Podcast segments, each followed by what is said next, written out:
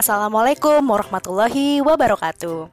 Halo sahabat di mana pun Anda berada Kembali lagi nih bersama Nufis Melodiana Fitriah Di podcast episode kedua saya masih tentang rumah belajar.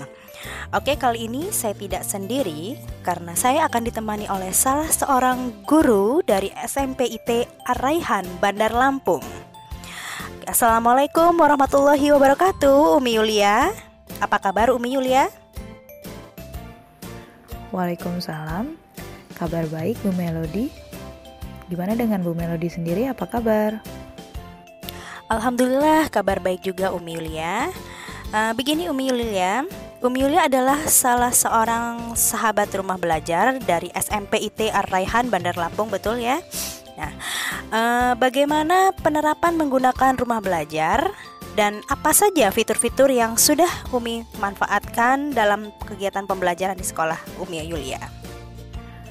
Fitur-fitur yang ada di rumah belajar sangat beragam dan menarik, sehingga hampir semua fitur anak-anak suka menggunakannya. Contohnya, yang paling sering lab maya, bank soal, peta budaya, dan jelajah angkasa.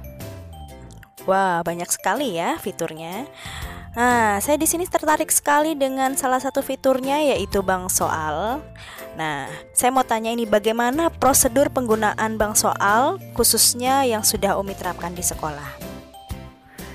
Hmm, mudah banget Bu Melodi prosedurnya.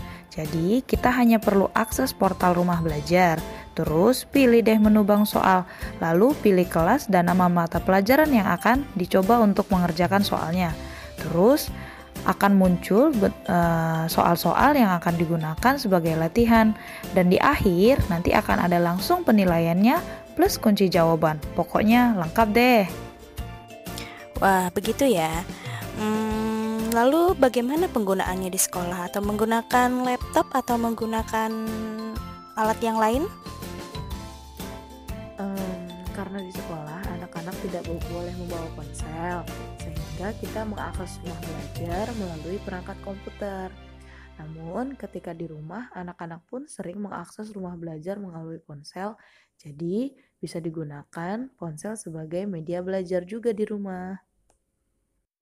Wow, seru sekali ya Umi ya. Nah, terima kasih banyak Umi atas kesempatannya untuk berbagi pengalaman bersama rumah belajar. Semoga rumah belajar dapat terus memberikan manfaat tentunya dalam proses pembelajaran di sekolah Umi ya.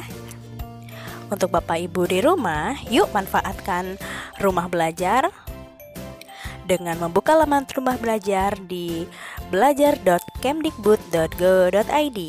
Sekian podcast saya hari ini.